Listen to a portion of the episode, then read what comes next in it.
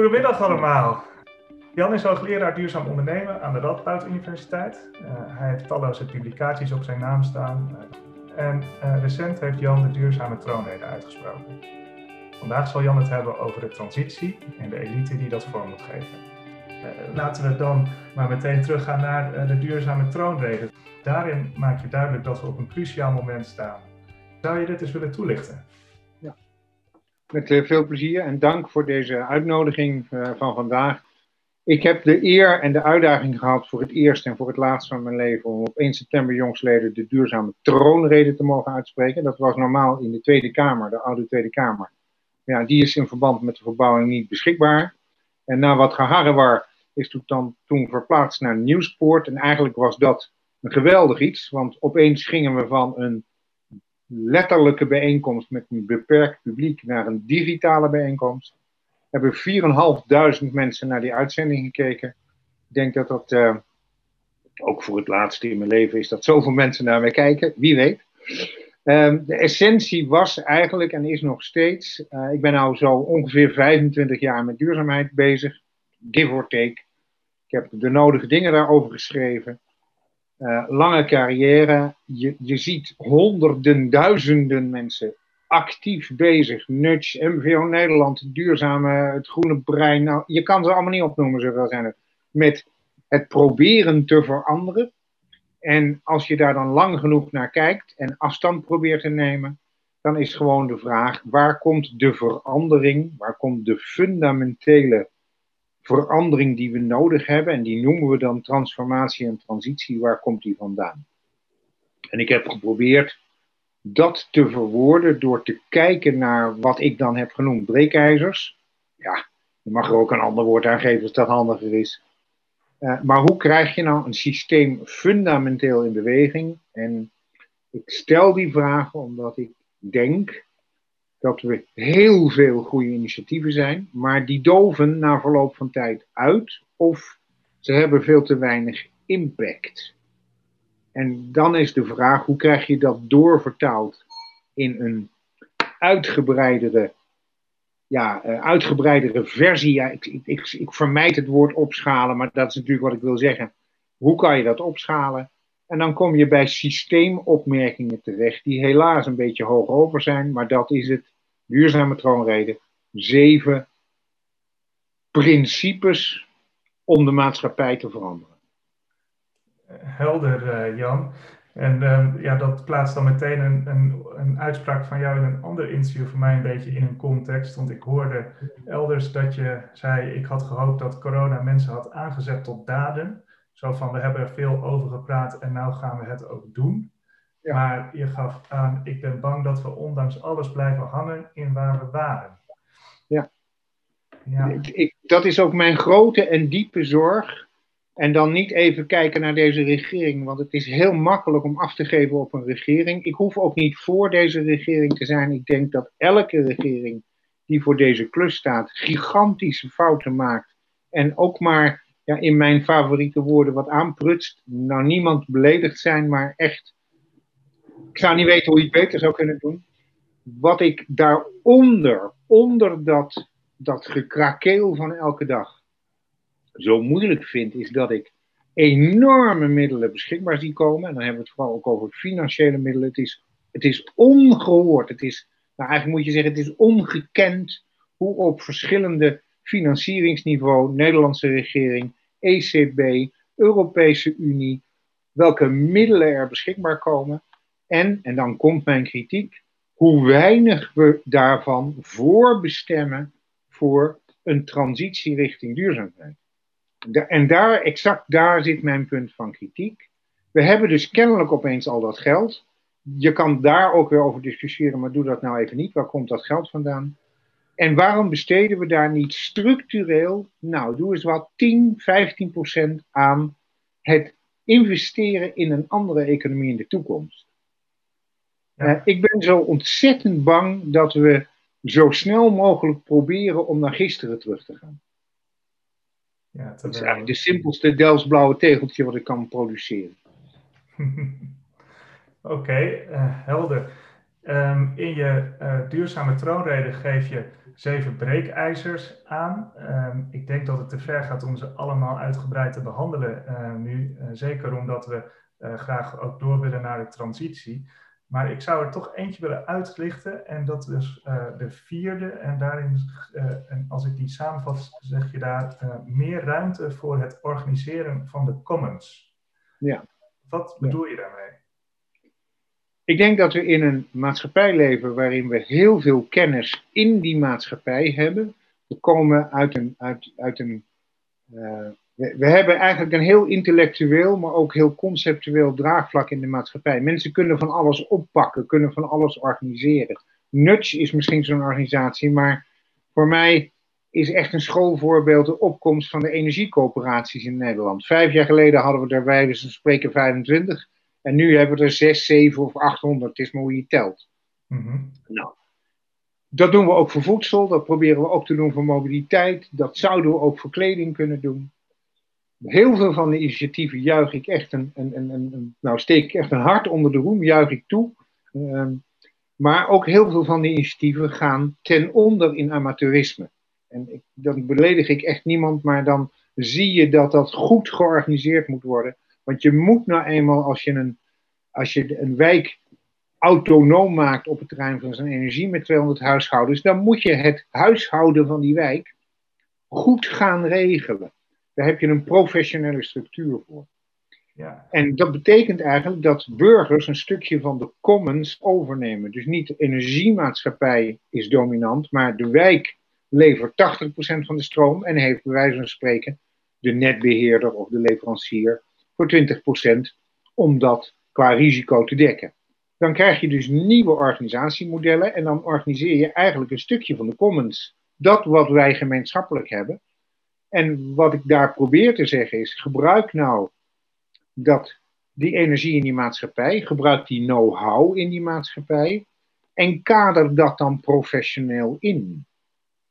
Ja, dit is, uh, dit is interessant. Dit sluit uh, denk ik ook aan bij een vraag die we uh, hebben binnengekregen van Wouter. Uh, die gaf aan, hij gelooft sterk in burgerinitiatief. maar in een wereld waarin we van centrale productie en distributie naar meer zelfvoorzienende lokale systemen gaan, moet ook de algehele structuur veranderd worden. Ja. Um, hoe, hoe, denkt Jan daarover, is de vraag. Nou, nou ik, ik ben het natuurlijk met Wouter eens. Dus Wouter, dank voor je vraag. Ik kan je helaas niet zien, maar ik doe het maar even zo. Ik denk dat we op een weegschaal moeten leggen, dus dat we moeten beoordelen wat kunnen we nou zelf en wat willen we slimmer, handiger uitbesteden aan instellingen die we daarvoor hebben. In, in de wijk, in een straat een ziekenhuis organiseren is een erg lastige aangelegenheid. Dus dat moeten we niet doen, denk ik. Dat vraagt te veel know-how. Maar in de wijk een goed gedeeltelijk zelfvoorzienend voedselsysteem opzetten, dat zou eigenlijk wel eens een hele interessante gedachte kunnen zijn. Dus laten we nou met z'n allen een boerderij kopen, want dat gaat dan wat efficiënter. Is dat initiatief? Ja, de herenboeren. Maar zo kunnen we op heel veel terreinen slim nadenken en, en opnieuw inrichten wat we nodig hebben. Want aan het eind van de dag gaat het altijd over wonen, stroom, zorg, voedsel, mobiliteit kleding, om maar eens even zes, zeven onder. Nou, als we nou eens die proberen beter gemeenschappelijker te organiseren, dus burgerinitiatieven, en dan voeg ik daaraan toe, geef dat dan ook wettelijk de ruimte, borg dat en professionaliseer dat. Ja, ja. Heel, uh, heel mooi, helder, um, Jan. Ik um, zie ondertussen uh, alweer meer vragen binnenkomen en um, één is daarvan Terry. Terry vraagt um, waarom geldcreatie als gemeenschappen um, niet zelf regionaal organiseren met rentevrij krediet uh, in circulair geld. Dag, het was Terry, hè? Dat was Terry. Terry. Beste Terry, dankjewel voor deze vraag. Dit is een vraag die mij ongelooflijk uit het hart gegrepen is. Ik denk namelijk dat we ook heel kritisch moeten kijken naar onze gemonetariseerde transactiemaatschappij. Sorry dat ik dat wat duur zeg. Maar alle transacties die we doen, brood kopen bij de bakker of benzine halen, zijn gemonetariseerd, omgezet in geld. En ik heb nu vijf jaar besteed aan de vraag: kan ik dat ook anders doen. En wij hebben in juni uh, met ontwikkelgeld van heel veel andere mensen uh, de gratis, de volledig gratis te downloaden Sam Sam Bank app ontwikkeld. Ik herhaal dat nog even. Sam Sam Bank app, waarbij mensen een eigen lokaal transactiesysteem kunnen ontwikkelen zonder, let op, zonder dat ze daar geld voor nodig hebben. Dus de app is gratis, dat vond ik enorm belangrijk, dankzij al onze sponsors. Maar ook, je kan bij jou in de wijk zeggen, ik ga nu met 250 wijkbewoners of wat dan ook, welke groep dan ook, ga ik een lokaal transactiesysteem opzetten. Ik zou zeggen, kijk er eens naar, want ik denk dat dat een van de bottlenecks is. Zolang we alles monetariseren, missen we heel veel dingen die van grote waarde zijn, want die tellen we niet. En kom niet aan bij mij dat we moeten uitrekenen wat de waarde van een bij is, want uh, dan wordt de discussie erg lastig. Ja, dank uh, Terry. Ik, ik uh, hoop dat zo jouw vraag voldoende beantwoord is. nou, voordat ik weer doorga, zie ik ja, nog meer vragen binnenkomen. Ik vind het wel heel leuk dat jullie al zoveel um, betrokkenheid tonen. een vraag van Jannie is: um, maken burgerinitiatieven de tweedeling in de maatschappij niet groter? Jan, hoe denk jij Jan, dank voor je vraag. Ik, ik denk dat het andersom is. Ik denk, heel lang geleden heb ik een boek gelezen dat heette uh, Groot brengen door klein te houden. En ik denk dat wij in een maatschappij beland zijn waarin dat principe we zijn zogenaamd volwassen burgers, maar uh, ondertussen worden we op alle mogelijke manieren in kaders en regels verstopt. En met dat hele punt van de commons en van het professionaliseren van burgerinitiatieven, want dat is allemaal dezelfde tekst, denk ik dat we een klein beetje ontsnappen aan uh, dat anderen de regels en de spelregels voor ons bepalen. Er was een tijd dat misschien het verdedigbaar was om te zeggen: alle stroom komt uit kolengestookte centrales. Dat kan nu heel anders. Maar dan moeten we dat wel professioneel gaan organiseren. En dat betekent dat we als burgers, als initiatief, als burgerinitiatief, ook, en ja, daar komt hij, de verantwoordelijkheid moeten nemen voor dat initiatief. Dan, dan kunnen we dus niet een beetje, ja, een beetje gezellig aanrommelen, dan moet het ook kloppen. Nou, dat is eigenlijk de kern van dat hele pleidooi van dat breekijzer. Er is allerlei energie, er zijn allemaal mogelijkheden, er is allemaal kennis in de maatschappij. We gaan dat doen, prima, dan spreken we dat af. Maar dan maken we ook, ja, in mijn woorden, dan maken we daar ook een wijkgebonden businessmodel van. Want dan hebben we niet alleen een aandeel in ons huis, maar dan hebben we vermoedelijk ook een aandeel in de infrastructuur in de wijk. En we hebben een aandeel in de buurtonderneming. Namelijk de onderneming die stroom maakt met z'n allen. En als je dit soort dingen allemaal achter elkaar zet, dan hoor je mij netjes zeggen. En dan ben jij dus bezig om transitie vorm te geven. En het antwoord is yes, dat ben ik stiekem aan het doen.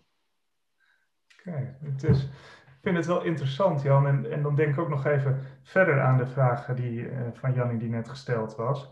Um, uh, want als ik het zo, zo hoor, dan, dan zeg je, uh, de, de, de, we kunnen, moeten die transitie vormgeven en daarmee verantwoordelijkheid nemen. het klinkt alsof je daarbij ook veel verantwoordelijkheid bij de burger zelf legt. klopt dat? Ja. Ja, ja ik, en... diep in mijn hart ben ik, geloof ik dat we de tijd van de vrijblijvendheid voorbij zijn. En dat als we werkelijk dat willen wat we met z'n allen roepen, een andere maatschappij, een groenere inrichting, uh, een maatschappij met meer biodiversiteit, nou, aan al die woorden die we allemaal roepen en die we al een hele poos roepen, dan is een consequentie dat we dat niet vrijblijvend kunnen doen. En daarvan is de consequentie dat ja, we als burgers meer verantwoordelijkheid krijgen voor onze eigen stroom, voor ons eigen eten, onze eigen mobiliteit. Ja, dat klopt.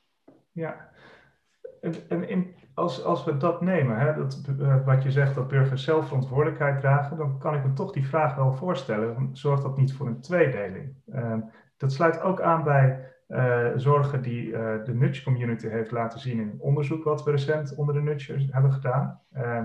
die gaven sociale ongelijkheid als, als grootste stijger aan voor wat betreft hun zorgen in de komende tien jaar. Ja. ik, ik, Jan, hoe denk jij daarover? Nou, ik herken het punt en ik onderschrijf het volledig. Uh, er zijn verschillende woorden die we kunnen gebruiken voor die maatschappelijke tweedeling, maar uh, het gaat altijd over hetzelfde fenomeen. Ik denk dat we op dit moment, dat we dat eigenlijk al een hele poos niet doen, onvoldoende aandacht aan die ongelijkheid besteden. En een van de manieren om, ik zal niet zeggen het op te lossen, want dat zou getuigen van arrogantie, maar daaraan bij te dragen is dat een van de breekijzers die ik voorstel is dat we eindelijk overgaan naar een basisinkomen van iedereen. Want ik kan met mijn inkomen heel mooi praten over mijn zonnepanelen en hoe leuk dat allemaal is. Maar eh, als ik van 60 euro per week moet leven, of soms nog minder, dan is dat een discussie die volstrekt langs mij heen gaat. Dus ik denk dat we aan de onderkant uh, iets moeten doen. En ik kom toch ook gelijk bij een ander punt uit. En ik denk dat we in heel veel van de dingen die we willen, zonnepanelen, zelfmaakenergie, et cetera, et cetera, echt moeten gaan nadenken over andere verdienmodellen. En daar bedoel ik mee dat als ik mijn huis radicaal isoleer, sorry voor het woord radicaal, maar dat levert 60 of 70 procent energiebesparing op, 100 is, is bijna niet te doen dan waarom vind ik niet op elke hoek van de straat dan hele makkelijke financieringsmodellen om dat te betalen? Waarom kunnen we wel 4,5 miljard voor een maatschappij uittrekken op een bepaalde plek in het centrum van het land, die vermoedelijk toch heel problematisch de toekomst ingaat? Nou, diplomatieker kan je het niet zeggen. En waarom trekken we niet 5 miljard uit voor burgerkredieten om woningen te isoleren? Dat levert werkgelegenheid op, dat levert van alles op. CO2-reductie, wat meneer Sterwiebes allemaal zo graag wil. Spot goedkoop, wat zeg ik? Gratis geld om dat voor elkaar te krijgen. Waarom doen we dat toch niet? Sorry dat ik mij even liet gaan in deze, dit betoog. En dat draagt dus bij aan het verminderen van ongelijkheid. Het lost het niet op, hè? Maar draagt in ieder geval een steentje bij aan dat reduceren van die ongelijkheid. Helder, uh, Jan. Uh, ik ga nog even door met vragen uit, uh, uit, uit, onze kijkers. Dorine vraagt, hoe zie jij, Jan, de rol van de belemmerende rol die juristen binnen hogere en lagere overheden spelen om beleidsmensen te behoeden voor uitglijders? Ja, ja. het was Nadine, hè? Nadine. Dorine. Dorine. Dorine. Ik hoop dat ik het goed zeg. Nou, dankjewel voor de vraag. Um, ja, ik vind dat je een, een terechte, maar ontzettend moeilijke vraag stelt. Want het zou bijna gaan klinken straks alsof ik tegen juristen ben, wat ik niet ben. Ehm, maar juristen zijn natuurlijk mensen die uh, een gen ingebouwd hebben en die heet maximaal risicomijdend gedrag. In het bijzonder voor mijn ambtenaren, in het bijzonder voor mijn bewindslieden. Um, dat betekent dat, opnieuw, dat betekent dus niet dat ik tegen juristen ben, want dat is gewoon een beetje onzin maar dat juristen toch wel een neiging hebben om uh, de bestaande situatie, de bestaande status quo te verdedigen. Daarom ben ik ook zo blij, maar het is helaas alweer van tafel geweest dat we een poos lang regelluwe zones als beleidsprincipe hadden. Ik weet niet of mensen dat weten. Uh, zones waarin we de regels niet afschaffen, dat, dat gaat te ver, maar het woord reguluw dat we dus kijken hoe we nieuwe ontwikkelingen, transities, kunnen vormgeven door een gebied aan te wijzen voor een bepaalde tijd, waarbij we minder strikt zijn in de regelgeving. Heel eerlijk gezegd um, vind ik dat een hele goede ontwikkeling. Ik denk, ik denk echt dat je juristen moet houden, dus we moeten ze niet afschrijven. Maar we moeten wel op een gegeven moment ook zeggen: nee, we willen door. Dus moeten we gaan experimenteren. En moeten we in dat experimenteren ook nog eens accepteren dat dingen niet altijd goed gaan. Of nog simpeler geformuleerd, laten we maar onze tolerantie voor fouten wat hoger maken. Duidelijk, Jan. Uh, er komen meer vragen binnen, maar ik wil even verder naar een onderwerp uh, wat wij uh, um, met elkaar van tevoren bespraken. En dat is wie moet dit nou aansturen? Je gaf aan dat je veel verantwoordelijkheid wilt leggen bij burgers zelf, ehm, maar tegelijkertijd ehm, ook een soort, ja, hoe het maar vacuüm ziet ontstaan bij wie dat dan moet, moet aansturen. Hoe kijk je daar tegenaan, Jan? Ja, nou ja, mijn hele betoog en ook de troonrede is allemaal één pleidooi om te komen tot structurele verandering. Ik heb dat al eerder benoemd als transitie.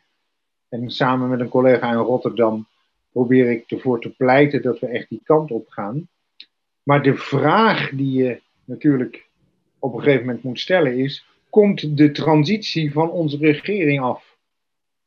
Dus de, vraag omgedraaid, wie gaat de transitie trekken?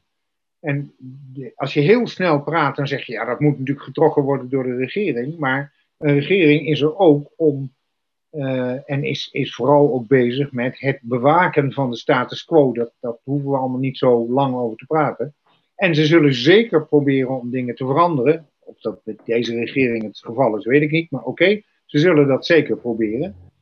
En dan is dus de vraag, uit welke hoek komt de verandering? Nou, we hebben heel lang gezegd tegen elkaar, de verandering komt van onderop.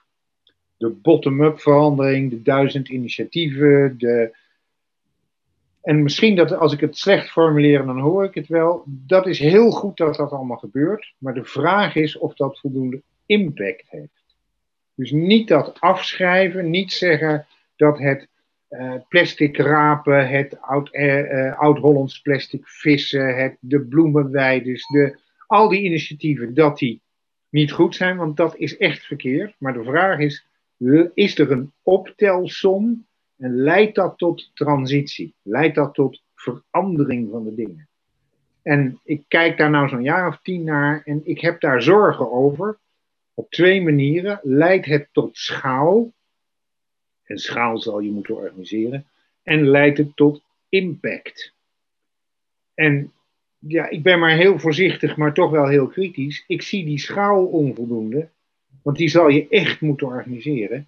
En ik zie die impact onvoldoende, of als ik het nog scherper zeg, ik zie mensen wel eventjes impact maken, maar dan dooft het als een klein kaarsje weer uit.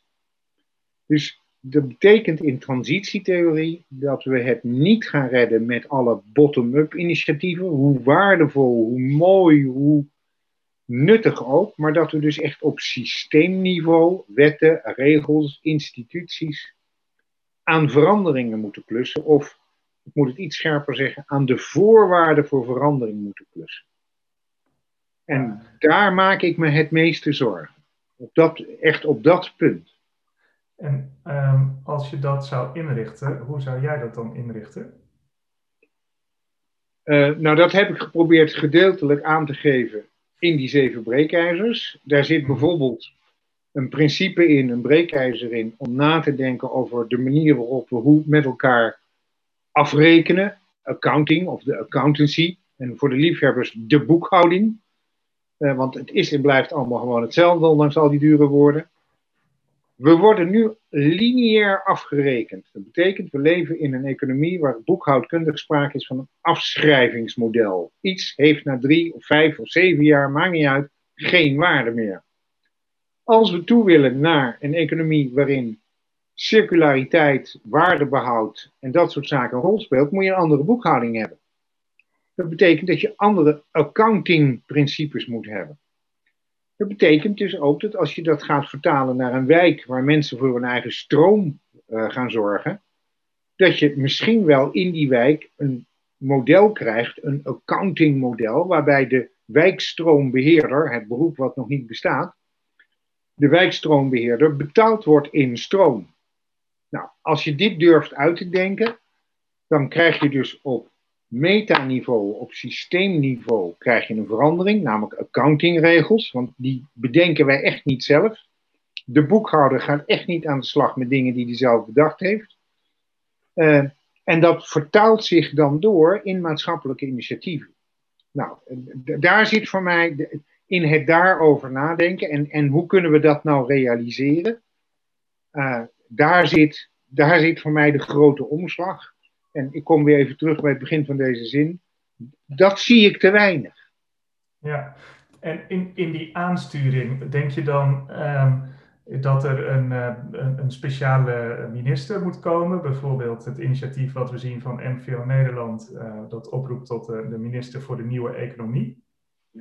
Nou, ik, ik, hoop dat iedereen weet wat MVO Nederland is. Hè? Een bedrijvenverenigingsclub die staat voor transitie, om het zo maar eens even uit te drukken.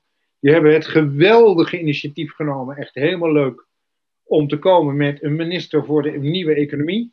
Uh, oproepen, afgelopen zaterdag ook in de krant. Eh, gewoon geweldig om herrie te schoppen, om mensen op te roepen. Meld je aan, doe dat. Mijn vraag, terwijl ik het initiatief volledig omarm, is: uh, gaat zo'n minister die straks gekozen wordt in twee of drie stappen, gaat zo'n minister impact hebben? Nog los van de timing, want de, de, de, de beauty contest voor die minister is 15 uh, eh, januari, doe het uit mijn hoofd, of 17 januari. En de verkiezingen zijn twee maanden later. Uh, het, los van, van dat soort tijdsverschillen, hoe maak je nou met elkaar als burgerbeweging, hoe maak je nou dat je invloed hebt op het vormgeven van die politiek in Den Haag? En dan, ja, nogmaals, grote complimenten voor MVO Nederland. Grote complimenten. Maar moeten we het niet wat groter maken? En dan kan je zeggen, ja, wat zit je nou weer te zeuren over schaal? Uh, maar het gaat echt over schaal. Moet je niet een kabinet van de nieuwe economie maken? Moet je niet gewoon 15 ministers en 10 staatssecretarissen benoemen? En moet je niet kijken of je daarmee, strategisch gekozen, invloed kunt uitoefenen? En Jan, is dat dan een kabinet wat parallel aan het huidige of het, het normale kabinet bestaat? Of is dat eigenlijk het normale kabinet dat zich gewoon volledig richt op een duurzame transitie? Ja, de, vraag in deze stellen is hem beantwoorden.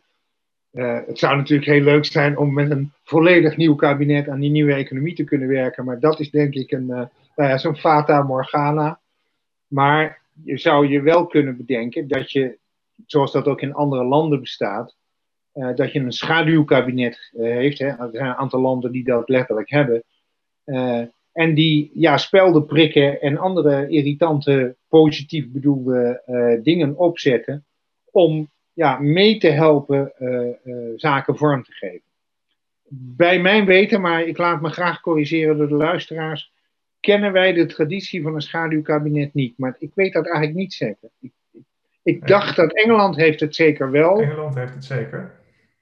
Uh, maar, maar zoiets, ja, opnieuw kan je erover twijfelen. Maar ik denk dat het wel heel nuttig is uh, om van het praten over een nieuwe economie, groen enzovoort enzovoort, te komen tot hoe verbouwen we de boel nou? Ja, ja precies. En, en Jan, ik ben ook wel benieuwd uh, um, om van jou te horen wie, wie, en dan heb ik het over een persoon, zou dat wat jou betreft kunnen aansturen? Dat vind ik een hele moeilijke vraag. Ik, ik verwijs iedereen even naar de website van dat project. Nieuwe minister van de Nieuwe Economie, geloof ik, die die website heet. Ik zag dat die in de chat gezet is. Ja, die dat, uh, zich aangesproken voelen. Uh, de vraag is en blijft, maar ik zie het wel bijna door onze tijd heen zijn. De vraag is en blijft: wie gaat nou de verandering op weg naar de toekomst trekken? En ik zeg het maar even scherp, want van Rutte hoeven we het niet te verwachten. Nou, dat is een hele scherpe opmerking. We zitten aan de tijd. Jan, heb jij wellicht uh, ruimte om nog twee vragen te beantwoorden? Zeker, zeker. Uh, dat is erg fijn. Uh, ik zie dat Terry, die we al eerder voorbij hebben horen komen, die heeft zeker nog drie vragen meer gesteld. ik wil ook even ruimte laten aan nog twee anderen, en dat zijn Laurien en Peter. Beginnen we met Peter. Peter vraagt, is de transitie naar een duurzame economie vooral een financieringsvraagstuk?